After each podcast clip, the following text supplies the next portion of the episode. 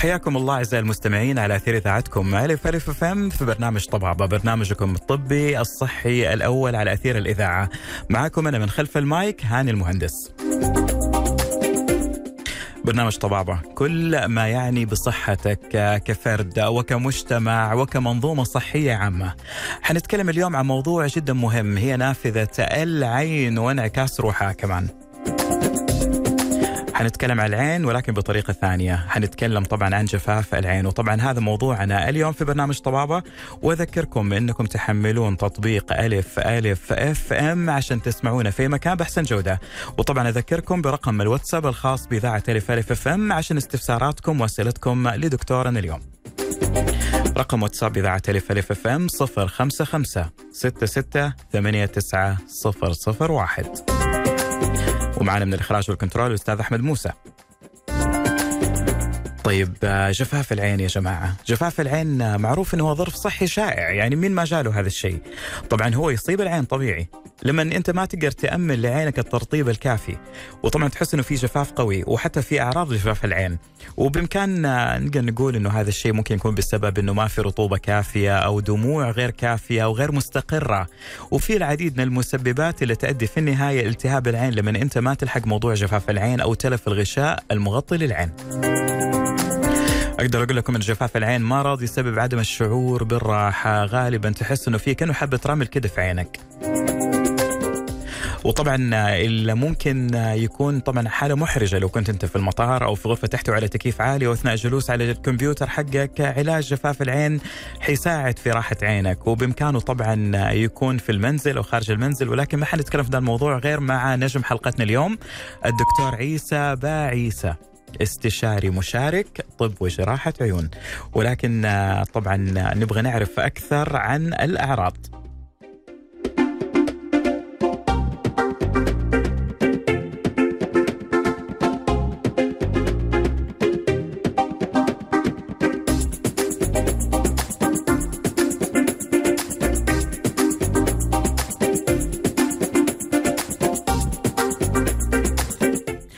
طيب لو تكلمنا عن الأعراض الخاصة بهذا الموضوع قلت لكم تحس إنه في رمل في العين تحس بحرقان في العين جفاف في العين تحس إنه في تكون مخاط حول العين لما تصحى من النوم تحس العين نقدر نقول تتحسس من أقل يعني ظرف مكيف رياح دخان تحس إنه في فعلا في مشكلة كذا في عينك تحس بإحمرار في العين صعوبة إنك تخلي عينك مفتوحة شعور بتعب كثير اعراضها بالمرة ولكن دكتور عيسى باعيس استشاري مشارك طب وجراحة عيون.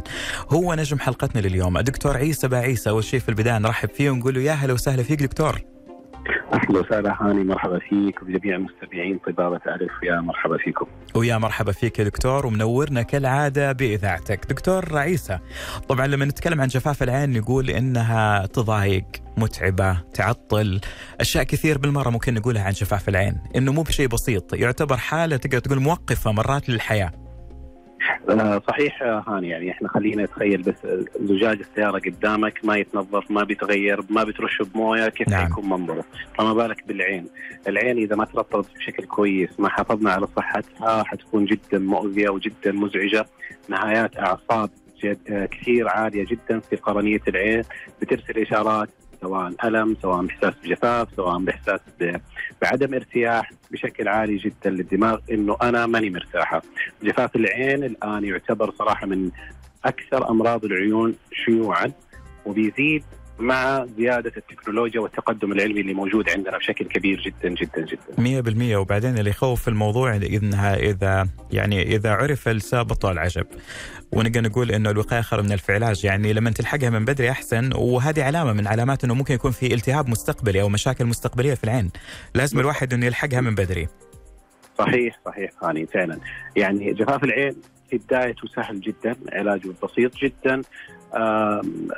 تعرف السبب بتعالجه بتحاول إنك تشوف إيش السبب اللي موجود وتعالجه بشكل صحيح. لكن تركه وعدم يعني خلينا نقول متابعة نعم. في مشكلة جفاف العين يؤدي إلى مضاعفات. في عندنا مضاعفات كثير عالية بالنسبة لجفاف العين يمكن الناس ما هي منتبهة للشيء يقول لك أنا عندي جفاف وبس. لكن خليني في البداية أقول إيه الأسباب؟ كلمنا عن أسباب جفاف العين فعلا. تفضل دكتور. معليش على المقاطعة تفضل. آه جفاف العين يعني إذا بنصنف جفاف العين هو عدم اتزان في الدمع وسطح العين. فبالتالي في إما إنه سطح العين غير مستوي بشكل ممتاز إنه يبقى الدمع عليه أو إنه الدمع في إنتاجيته آه غير كافي أو في خلل فيه وبالتالي بيسبب عدم وفرة في الدمع وعدم الاستفادة من كميات الدمع اللي موجودة في العين، فبالتالي عدم التوازن هذا والاختلاف أو الاختلال في التوازن اللي موجود بين الدمع وبين سطح القرنية يسبب جفاف العين. أنواعه نعم. يعني إذا نبغى نعرف أنواعه فلازم في البداية إنه نعرف آه إنه الدمع ينقسم إلى ثلاث طبقات. نعم. طبقة دهنية وطبقة لزجة وطبقة سائل أو طبقة الماء. يعني زيوت دهنية وسائل مائي ومخاط يعني تكون هذه الطبقات الثلاث. بالضبط. هذه الثلاث الطبقات اللي موجودة في تركيبة الدمع. فبالتالي أي اختلال في هذه الطبقات بالإضافة إلى اختلال في سطح العين منها القرنية أو ملتحمة العين أو حتى الجفن أي اختلاف فيهم حيؤدي إلى جفاف في العين. حلو. آه في في عوامل مساعدة كثير الآن منتشرة عندنا وحوالينا بالتالي أيضا بتؤدي إلى جفاف العين. طيب لو تكلمنا عن أبرز أسباب جفاف العيون، هل هو انخفاض انتاج الدموع ولا تقدم السن ولا إيش هو بالتحديد؟ أكيد في أسباب كثير. آه، أكثر سبب أنا اللي إحنا شايفينه في الفترة الحالية وهو السبب الخفيف جدا هو إنه الدمع ما بيجلس في العين فبالتالي بيتبخر بشكل كبير جدا. هذا أه، يعني من هذا أهم سبب. الشائعة. إي من الأسباب الشائعة اللي بنشوفها كثير عندنا وهذا السبب الكثير. ليش بيكون السبب هذا؟ إنه الدمع ما بيجلس في العين. إما إنه اختلال في الطبقة الدهنية لأن الطبقة الدهنية دائما بتمنع من تبخر الدمع. نعم. بالتالي إذا صار اختلال في الطبقة الدهنية حيؤدي إلى نقص في الدمع وبالتالي إلى جفاف العين. أو الشيء الثاني أنه يكون آه الآن الأجهزة اللي موجودة عندنا نعم بتخليك مثلا الجوال أو ال PlayStation عند الأطفال أو ال iPad آه بتخلي إنه الدمع ما بيكون في العين، ليش؟ لأنه جفن العين ما بيتقفل، المفروض إنه جفن العين بيتقفل في الدقيقة الواحدة تقريبا من 13 إلى 18 مرة في الدقيقة. إي نعم. بالتالي إذا إحنا ما حافظنا على إنه الجفن يتقفل ويفتح ويتقفل ويفتح ينتج الج... ينتج الدمع وتنتج الطبقة الدهنية وتصير ترطيب في العين حيكون في عندنا اختلال. التركيز على الجوال عدم الرمش هذه مرة من الأشياء اللي الآن صرنا نشوفها حتى عند الأطفال يعني. كان جفاف العين ما بنشوفه عند الأطفال الآن صرنا نشوفه بشكل كبير جدا يعني. بسبب قلة رمش العين إنه الواحد ما يرمش. كي... آه okay. هذه صحيحة 100% نعم. غريب إنه موجودة في الأطفال. بالضبط إنه ما بيرمش الطفل ما بيرمش. والشيء الثاني إنه بيكون مركز على اللعبة اللي موجودة على جواله وال iPad. يعني بصراحة صرنا نشوف حالات يعني أنا أقول لك ما بقول لك خفيفة لا متقدمة شوي. هو آه من نعم. جفاف العين عند الأطفال. وهذه صراحة يعني بتزيد المعدل آه معدل الإصابة بجفاف العين عندنا صار بشكل مرتفع جدا. يعني صرنا الآن في كل أربع مرضى بنشوف مريض إلى مريض ونص آه عندهم جفاف العين. نعم. بالتالي المعدل جالس يرتفع. طبعا كنا نقول عادة الاندماج في القراءة أو القيادة هو اللي بيسبب المشكلة هذه عشان عدم رمش العين، الآن حتى الأطفال بسبة الألعاب الجيمز ما بيرمشوا أيوة. مركزين. فبالتالي بيسوي لهم هذه المشكلة هم أطفال لسه صغار، دكتور إحنا بنطلع فاصل بسيط بس نعطيك نفسك شوي كذا وبنرجع نكمل. آه طبعا نجم حلقتنا اليوم في موضوعنا جفاف العين الدكتور عيسى بعيسى استشاري مشارك طب وجراحة عيون. وأذكركم برقم واتساب إذاعة ألف ألف عشان كل استفساراتكم فيما يخص موضوع اليوم حق العين أو جفاف العين على صفر خمسة خمسة ستة ستة ثمانية تسعة صفر صفر واحد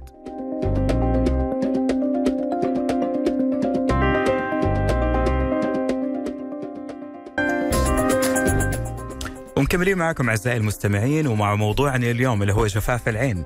مع نجم حلقتنا اليوم الدكتور عيسى بعيسى استشاري مشارك طب وجراحة عيون ومعكم من خلف المايك أنا هاني المهندس ومن الإخراج أحمد موسى. أذكركم برقم الواتساب مرة ثانية طبعا عشان استفساراتكم وأسئلتكم لدكتور عيسى بعيسى 055 6689 001 يا هلا وسهلا فيك دكتور عيسى مكملين معك. يا مرحبا أهلا وسهلا. يا مرحبا فيك حبيبي. الله يخليك دكتور. وصلنا إحنا بالتحديد لنقطة حلوة من اللي هي أسباب وعوامل لجفاف العيون. وتكلمنا اللي هي قلة رمش العين. وبالنسبة للأطفال مؤخرا صار لهم نصيب من هذا الموضوع بحكم ال video games أو الألعاب أو الأونلاين. بالضبط. الآن الجلسة الكثيره على ال iPad. والآن إحنا في فترة الصيف هاني. فالاطفال تعرف يعني يا إما موبايل يا إما آه، آيباد يعني. كنا زمان نطلع الحارة نلعب فيها كورة وكذا بس الآن قلت كثير يعني عن أول.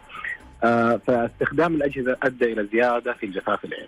لا تنسى كمان عفوا إحنا الآن في فترة الصيف هاني فترة الصيف دائما فترة الإجازة كمان. بالضبط. فترة الإجازة آه، زاد معدل استخدام الأجهزة زاد معدل استخدام الألعاب ال iPad وال PlayStation والأشياء هذه. فبالتالي زاد معدل الجفاف. فترة الصيف دائما فترة حر. آه، الفترة هذه بتزيد فيها معدل الجفاف. أيضا التكييف. إحنا في الصيف دائما بنستخدم تكييف، التكييف الناس اللي بتجلس على التكييف مباشرة أو في السيارة بتوجه التكييف على على وجهها أو العين بشكل مباشر. هذه تسبب جفاف شديد شديد شديد جدا. صح. الناس اللي بتحب الرياضة وبتمشي بتنزل بتمشي في في الممشى في الفترة هذه فترة الصيف أنا أفضل على الاقل على الأقل يمشي في المساء. لأنه فعليا اللي بينزل يمشي في فترة الشمس أو فترة الحر اللي موجودة حاليا أيضا بتزيد عندهم معدلات جفاف العين. لا ينسى إنه يلبس النظارة. أحب أذكر فيها النظاره الشمسيه تقي. أول شيء من الريح أو من الهواء اللي بيجي على العين وبالتالي حتخفف. أكيد. أكيد يا دكتور الهواء الحار لما يجي على الوجه بقوة وعلى العين بالتحديد مع الرمل اللي موجود طبعا في الطريق. أكيد 100% حيصير في جفاف وهذا الشيء لا يعني النظارة مو بتحميه بس وكمان إنها بتحميه من الشمس غير بتحميه من الجو الحار. بالضبط هذا الشيء صحيح جدا. يعني هاني لو بتروح مثلا بتدخل على حمام ساونا أو جاكوزي بتحس بتطلع منه منه فعليا بتحس إنه عينك حمراء وفيها حرقان وفيها دم. طبعا. هذا بنفس يعني بشكل مصغر يمكن هذا مؤقت خلال خمس دقائق أو عشر دقائق في الحمام لكن فعليا لما تكون أنت بتمشي برا ساعة أو نص ساعة برا أيضا بتزيد معدل آه، جفاف العين ثياب. دكتور إي نعم. تفضل حبيبي. إي تفضل دكتور معلش على المقاطعة تفضل حبيبي. الجفاف ليس مرتبط فقط إنه بالعين وأمراض العين فقط هاني. أحب يعني أنبه إنه جفاف العين، العين دائما هي مرآة لصحة العين، لصحة الجسم. العين مرآة لصحة الجسم. يعني سبحان الله أي مرض يعني أو خليني أقول 80% من الأمراض اللي بتكون في الجسم إلا ما يكون فيها ارتباط في العين. أكيد 100% الالتهابات القزحيه إما في في مشاكل الشبكية إما في التهاب جفاف العين أو التهابات سطح القرنية. فلذلك الجفاف أيضا مرتبط بالحالة الصحية. الناس اللي بيعانوا من أمراض الروماتيزم. هذول بيكون عندهم جفاف كثير عالي في العين. الناس اللي بيكون عندهم صدفية اللي بيكون عنده مرض الذئبه الوردية حب الشباب ومشاكل حب الشباب برضو أيضا لها ارتباط بمشاكل العين وجفاف العين بشكل خاص. لذلك مو بس مرتكز على العين ومرض في العين فقط هو أيضا مرتبط بصحة الجسم بشكل عام. آه هاني الناس اللي ما بتشرب موية كثير يعني هذه برضو من الأشياء ترى اللي بتسبب ديهايدريشن بتسبب قلة في التروية بتسبب جفاف في العين. صح شربك للماء بمعدل كافي بمعدل آه يعني خلينا نقول لتر ونص إلى لترين على حسب المنطقة على حسب ال activity اللي بتسويها أيضا بيؤدي إلى ترطيب العين. هذا ارتباط كامل في جسم الإنسان، ارتباط كامل في حياة الإنسان، ارتباط بكل شيء يقوم فيه الإنسان، العين مرآة. فعلا. عندك كمان دكتور إضافة لكلامك. عندك اضطرابات الغدة الدرقية أو نقص فيتامين A أو ألف بالتحديد. هذه كلها تبان بالعين. لكن دكتور في سؤال. فعلا جانا بالتحديد على هذا الموضوع. يقول لك دكتور عيسى يا أهلا وسهلا. معك غادة من المنطقة الشرقية. دكتور آه، أبغى أسألك هذا السؤال وماني متأكدة منه عن مكملات الاوميجا 3 هل هي بترطب فعلا العين ولا هذا مجرد حركات تسويقية معتادة؟ لا الاوميجا 3 آه، أثبتت دراسات كثيرة هاني. آه، إنه بيساعد على ترطيب العين وعلى إفراز الغدد الدهنية اللي موجودة وبالتالي بيساعد من افراز الدهن. فالاوميجا 3 من الأشياء اللي بننصح فيها. والناس اللي بتأكل سمك يعني بيأخذوه بشكل متوازن. اللي ما بيقدر يأكل سمك أو شيء ممكن يأخذ عن طريق الحبوب. حبه يوميا بتكون مرة كفاية إنه يأخذها وبتساعد بشكل كبير جدا على ترطيب العين. ممتاز. طيب دكتور كمان في سؤال ثاني من الأخ معاذ يقول لك دكتور آه، أنا عمري الآن ما شاء الله قرب على الستين وكل ما أكبر بالعين بستعمل القطرات هذه اللي حقت الترطيب هو بيتكلم عنها. فيبدو لي هل فعلا في علاقة ما بين التقدم بالعمر وجفاف العين أم هذا معناته أنا بعمل ممارسات غير صحيحة؟ الله وشينا يعطي الله يعطيه العافية وطولة العمر يعني. آمين يا رب. 60 أنا دائما بقول 60 لسه لعز الشباب يعني. ف... فعلا. العمر ابدا ما عمره كان مقياس أنا معك. أي نعم. فأقول لك الصحيح التغيرات الفسيولوجية سبحان الله تبدأ تتغير في الإنسان مع التقدم في العمر هذا شيء طبيعي. منه إنه بتحس إنه الجسم نفسه ترهل. فبالتالي الأداء الأكتيفيتي نفسه تبع الجفن غمضة العين وفتحتها بتقل وأيضا تقفيره العين بتكون ضعيفة جدا. العضلات المحيطة اللي بتؤدي إلى إفراز الغدة الدهنية عشان ينتج الدهن حتكون ضعيفة. فبالتالي معدل إنتاج الدهن من الغدد الدهنية حيكون ضعيف جدا. فبالتالي العمر نعم من أحد العوامل اللي بتؤدي إلى جفاف العين. آه فالعمر ممكن يكون له دور يعني في الموضوع. نعم صحيح له دور.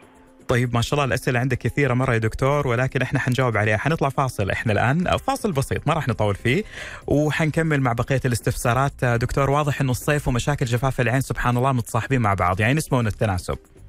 صحيح صحيح. فأنا أشكرك على اختيارك لهذا الموضوع لأنه فعلا هذه قضية بنعاني منها في الصيف مع المكيفات ومع الجو الحار. طبعا نجم حلقتنا اليوم دكتور عيسى بعيسى. استشاري مشارك طب وجراحة عيون وموضوع اليوم هو جفاف العين. إحنا مكملين معاكم مع استفساراتكم وأسئلتكم ولكن رقم الواتساب من ناحية طبعا الأسئلة حابين توجهوها للدكتور عيسى 055 66 89 001 وحنكون بانتظاركم لأي استفسار. أنتم تستمعوا لإذاعتكم ألف ألف لا تغير الموجة مكملين.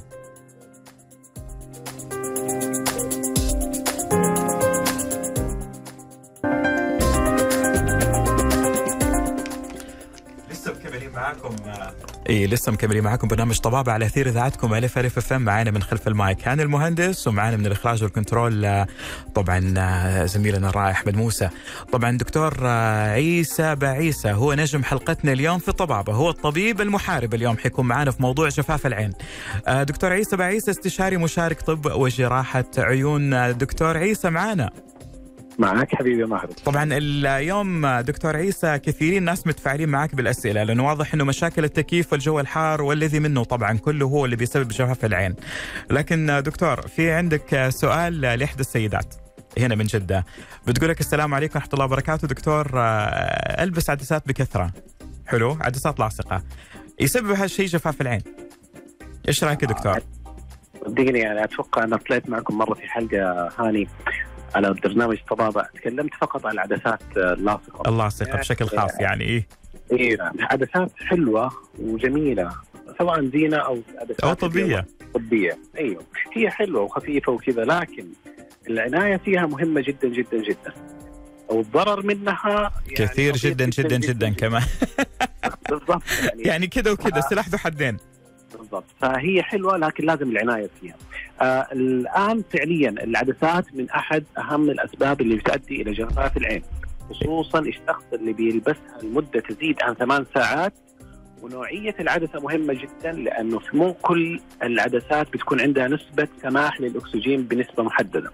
في بعض العدسات يكون عندها سماح للأكسجين عالي وفي بعضها ضعيف فبالتالي اختيار العدسة ونوعيتها والسماح ب مرور الأكسجين في العدسة كل ما كان أعلى كل ما كان أفضل. شيء ثاني أنا دائما بقول نعم. لا تستخدم العدسات اللاصقة أكثر من ثمان ساعات حتى لو كانت العدسات اليومية. يعني العدسة اليومية بتيجي بتلبسها وبترميها إيه؟ في نفس اليوم. طب دكتور أنا حقطعك في موضوع معين في عدسات تلبس بالأيام صح ولا طبية؟ ما ننصح ابدا ابدا ابدا إنه أحد ينام في العدسة. يعني يعتبر خطر مو شيء طيب. طبعا طبعا طبعا طبعا. ما في عدسه إنك تقول خليك تلبسها بشكل دائم إلا إذا في حالات العلاجية. في بعض الحالات العلاجية لكن مش عدسات الزينة ولا عدسات النظر العادية. في بعض في بعض الأمراض هي بنحطها إحنا كأطباء في العيون. آه، في بعض الحالات أو في خلينا نقول في حالات الالتهابات أو عدم التئام القرنية بنحط عدسة وبنعطيه فوقها مضادات معينة بحيث أن نقلل من حدوث الالتهابات، لكن العدسة العادية اللي بيلبسها الشخص العادي سواء للزينة أو للنظر لا يسمح ابدا إنك تنام فيها ولا يسمح إنك تغسلها بالماء العادي، تغسلها بالمحلول تبعها وما تلبسها أكثر من ثمان ساعات. شيء ثاني نعم. حاول دائما إنك تحط قطرات ترطيب حتى وأنت لابس العدسه. آه يعني عادي ما يأثر. ابدا ابدا في أنواع من أنواع القطرات الترطيب بهاني بتكون خفيفة جدا وبالتالي بتنزل من تحت العدسه وتغسل القرنية وتغسل سطح العين وبشكل سلس وما بتحس فيها. ممتاز.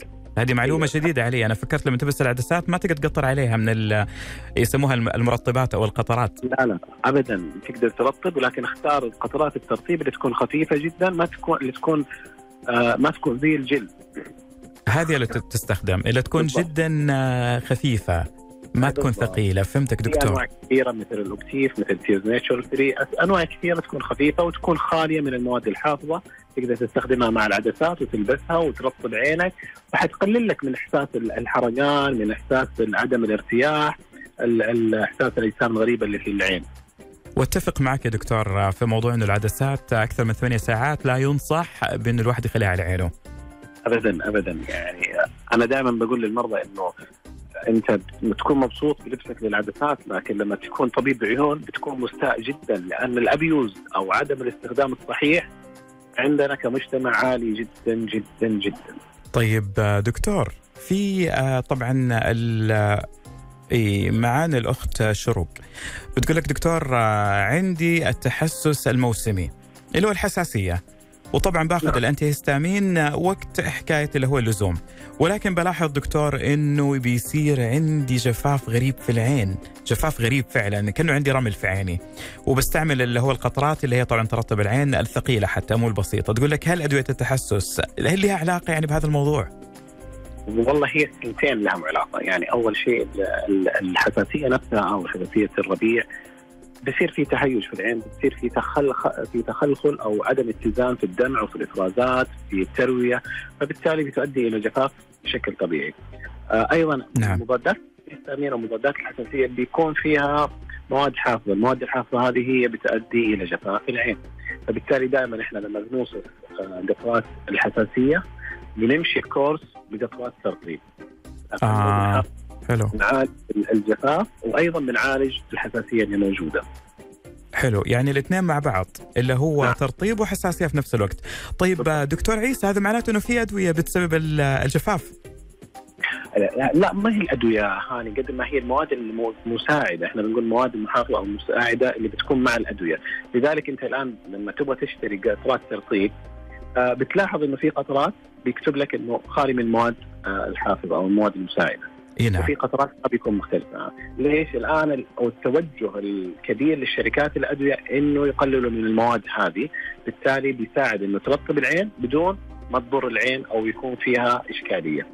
ممتاز حلو. يعني هذا كأنه حل بديل يعتبر وجدا عملي.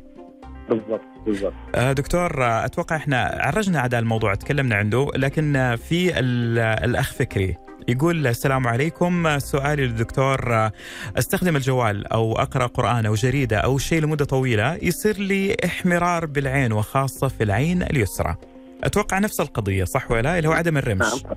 أو عدم الواحد يرمش. عدم الرمش بالضبط. الناس بتكون مركزة ما بترمش كثير وبيكون ممكن يكون عنده أصلا قصور مثلا في الغدة الدهنية أو شيء بتزيد من نسبة الجفاف أثناء ما بيقرأ قرآن أو بيتصفح في الجوال. أو بيتابع التلفزيون بشكل عام فبالتالي بتزيد عنده يختلف الشعور من العين إلى العين الأخرى لأنه كل عين بتكون منفصلة في الغدد في الأعصاب في حساسية في أي شيء من هذه بتكون مختلفة عن العين الثانية بالتالي أحيانا بتحسه في العين اليمين زيادة أو في العين اليسار آه، زيادة أكثر. طيب آه، حلو جميل ممتاز يمكن صح الجفاف يكون في عين أكثر من الثانية. طيب الله يسلمك آه، الأخ محمد يقول لك عينه اليسار تلف كثير نفس الرمش. حلو. طبعا هو هو ما يؤمن. واضح إنه ما يؤمن بهذا الكلام الفاضي. يقول لك عينه رفت اليمين عينه رفت اليسار. حيشوف شيء. لا هو بيتكلم. يقول يرف باستمرار عندي. زي زي الارتجاف العصبي في الجفن. يقول لك هل هذا جفاف يا دكتور؟ آه كويس إنه ما يسال احد من مقدار السنة والجدات. لا حيقولوا له لا انتبه ترى أنت حتشوف واحد ما يصير خاطرك. أيوه بالضبط. لا الرجفه اللي بتيجي في العين هي بتيجي زي النبض آه هاني. يعني كذا بتحس إنه في شيء ينبض في العين نفسها. بيعانوا منها كثير من الناس. هذه لها أسباب محددة. في له أمراض مثل أمراض الأعصاب وكذا لكن هذه نادرة. لكن الشيء الشائع آه بيكون الشخص إما إنه بيشرب كافيين بشكل كبير شاي آه كافيين حلو. فهذه بتزيد من الأعصاب وبتزيد من النبضات العصبيه فيها وبالتالي بتسوي له زي الرجفة. أو الأشخاص المدخنين اللي بيدخن بشكل كبير وكثير عالي جدا أيضا هذه أحد الأسباب. السبب الأخير اللي هو أيضا جفاف العين، جفاف العين إذا كانت العين جافة أو كان في التهاب في حافة الجفن أيضا يؤدي إلى الرجفة اللي موجودة أو النبض اللي بيحسه في جفن العين. والله دكتور عيسى شوف كثرة ال consuming حق الكافيين أو شرب الكافيين الكثير بيسوي أصلا جفاف في الجسم. وبالتالي طبيعي إنه يصير في هذا الرشفه يعني منها جفاف ومنها كافيين. صحيح صحيح. دكتور يقول لك شكرا يا دكتور ريحتي لقلبي. يعني ما حتشوف أي أحد يضرك لا تخاف يعني الأمور كلها تحت السيطرة إن شاء الله. لا تمام حلو حلو. بالعكس إجابتك كانت جدا جميلة يا دكتور. دكتور طيب لو تكلمنا عن أنواع الأدوية حسب وجهة نظرك الشخصية لا يقول لنا المخرج لا باقي لنا وقت الحمد لله. آه لو تكلمنا عن الأدوية اللي ممكن تسبب جفاف العين هل في أدوية معينة يعني ها تمثل لنا عنها؟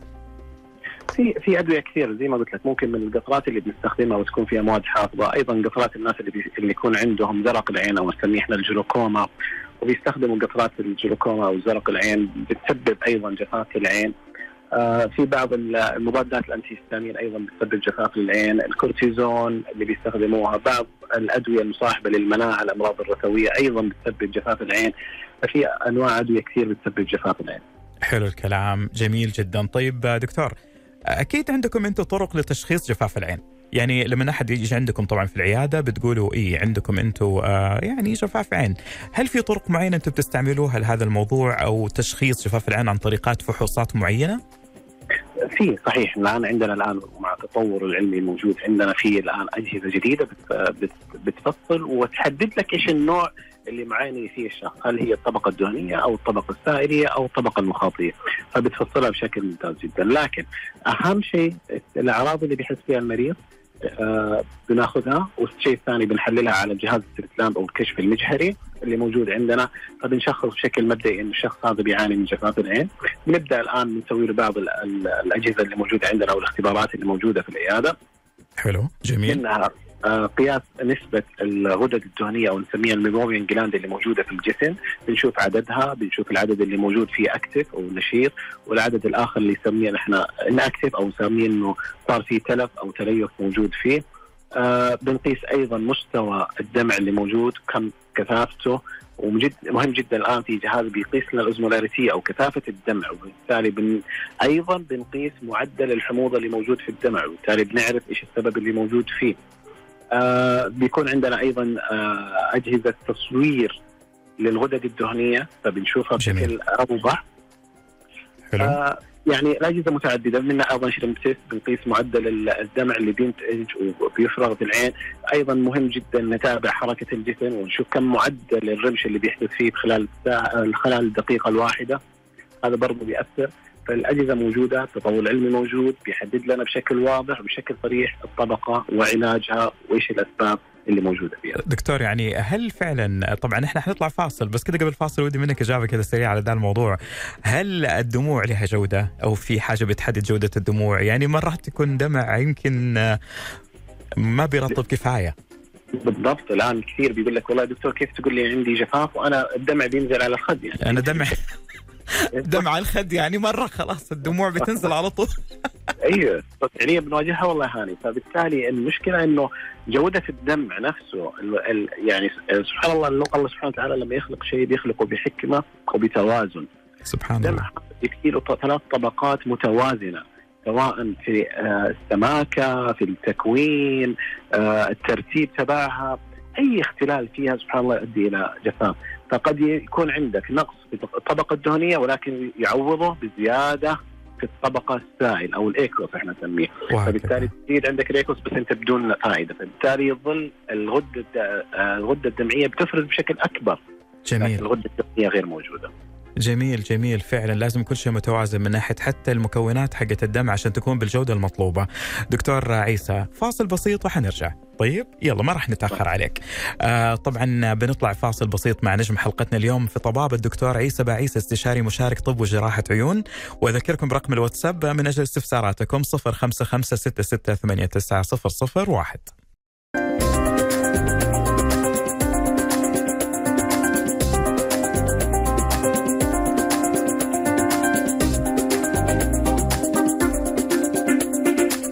طيب إحنا وصلنا معاكم للفقرة الأخيرة برنامج طبابة وحلقتنا اليوم عنوانها جفاف العين مع دكتور عيسى بعيسى استشاري مشارك طب وجراحة عيون ولاستفساراتكم.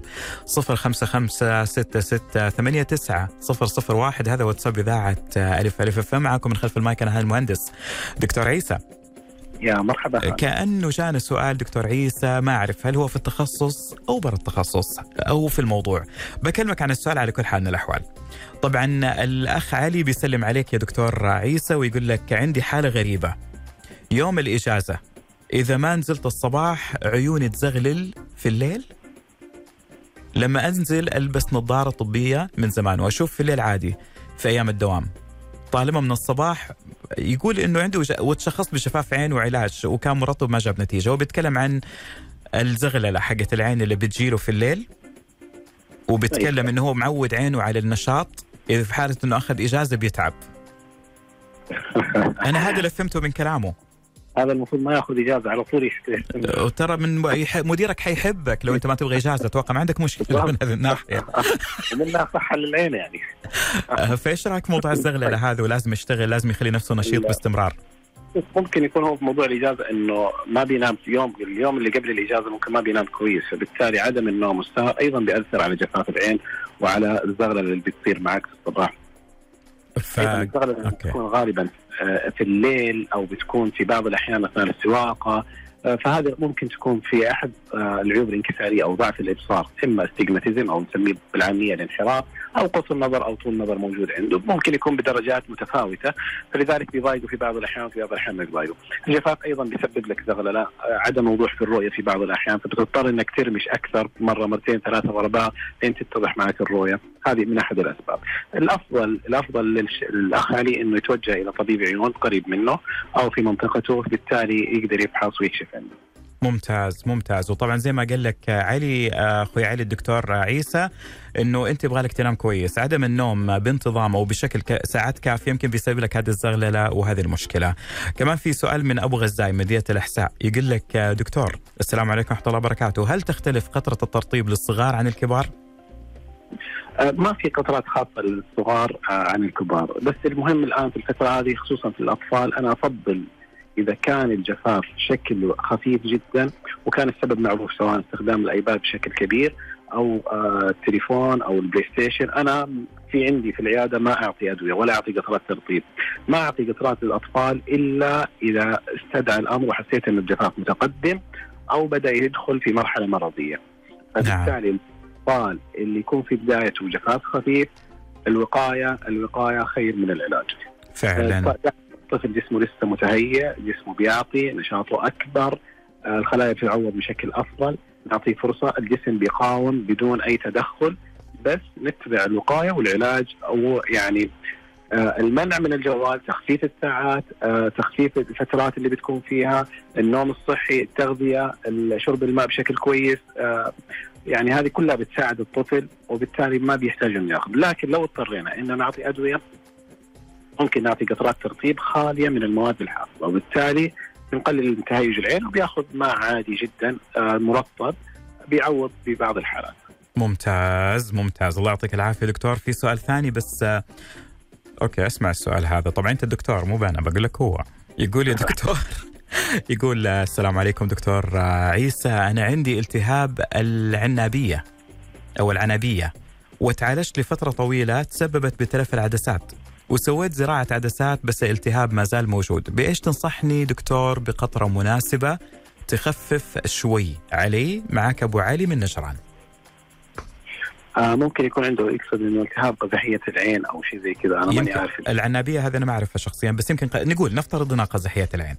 ممكن يكون التهابات متكررة في العين فبالتالي هذه يعني تحتاج تشخيص بشكل أوفى آه بتسبب تهيج والتهابات داخل العين تسبب موية بيضاء بيضطر إنه يشيل الموية البيضاء ويسبب التهاب أسبابها كثير آه جدا. لازم يفحص في العيادة نتأكد من التشخيص.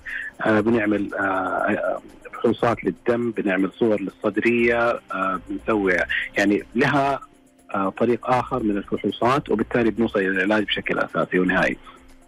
أيضا هذا التهاب قزحي العين بيؤدي إلى جفاف في العين فبالتالي أيضا بيسبب مشاكل في الجفاف. علاجه لازم تتابع مع طبيب عيون ويكون في منطقتك قريب منك ما بتتعاجز إنك تروح له كل فترة إذا صار عندك إشكالية. آه لازم تعرف السبب وبالتالي حتعالج بعده. ممتاز ممتاز يا دكتور. وأنا أقول كل واحد ما تقدم في السن لازم يعمل كشف دوري. أنا أشوف إنه 40 وطالع الموضوع يبغى له كشف في كشف إذا ماني غلطان. نقول من ال 40 إلى ال 50 يعني إذا كان الوضع طبيعي كل سنتين مرة. على الأقل على الأقل. كل سنة مرة زيارة طبيب العيون. نعم. طيب دكتور صديقة البرنامج راوية تقول لك دكتور بما إنك أنت بتتكلم عن جفاف العين إذا أنا في البيت في المنزل هل تنصحني بعلاجات منزلية من أجل الوقاية؟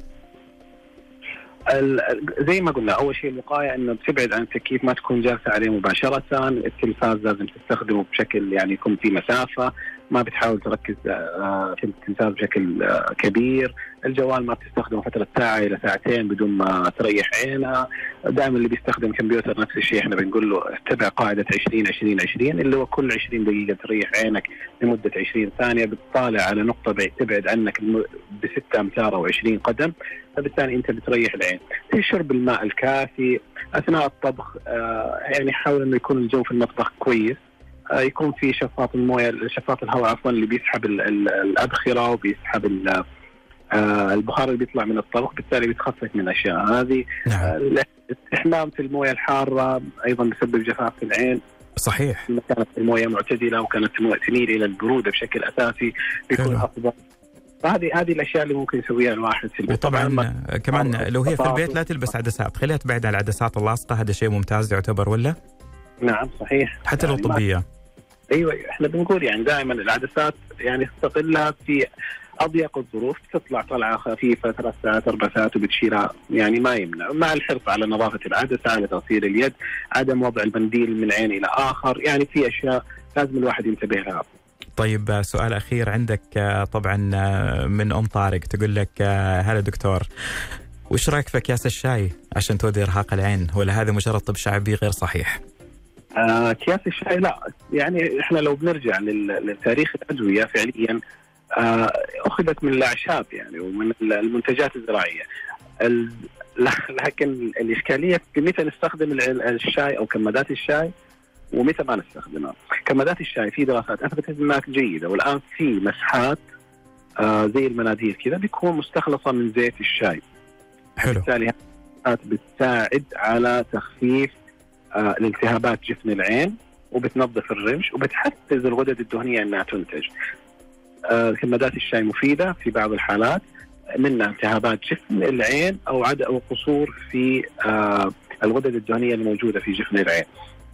الكم هذه بتساعد عليها في الآن منتج محضر بشكل علمي في الصيدليات آه بينتج في مستخلص زيت الشاي وبالتالي بيساعد في ناس تستخدمه على الغدد الدهنية أو انتفاخ الغدد الدهنية اللي بنسميه بالعامية جليجل أو جلجال زي كذا. آه أيضا يستخدمون له كمادات الشاي بيستفيدوا منها. الله يعطيك العافية يا دكتور. يعني أنت فاجأتني بموضوع الشاي. أنا فكرته في طب فعلا مجرد طب شعبي ولكن واضح إنه ليه منحنى علمي. آه لا. أيوه دكتور. يعطيك العافية فعلا هذه المعلومة. أنا جدا سعيد بالمعلومات اللي سمعتها اليوم. الله يسعدك يا حبيبي يا هاني. فيكم الله يعطيك العافية يا دكتور وسهلتها علينا فعلا من ناحية المعلومات بين الطب الشعبي وما بين الطب الطبيعي وما بين الوقاية حتى. طبعا دكتور عيسى بعيسى استشاري مشارك طب وجراحة عيون معنا كان اليوم بحلقة طباب شكرا لك يا دكتور. شكرا لك هاني وشكرا لجميع أسرة ألف اس إم ونتمنى لكم دائما التوفيق والنجاح الدائم. إن شاء الله بإذن واحد أحد لقاء مستقبلي معك يا دكتور بإذن الله. بإذن الله تحياتي لكم. يا هلا الله يخليك فمان الله مع السلامة. طبعا كان معنا دكتور عيسى بعيسى استشاري مشارك طب وجراحة عيون ومعاكم من خلف المايك أنا كنت هاني المهندس من الإخراج وال control الأستاذ أحمد موسى. لقاء متجدد معكم في الغد بنفس الوقت ونكمل الآن مع بقية برامجنا وأنتم تستمعوا لإذاعتكم ألف ألف لا تغير الموجة.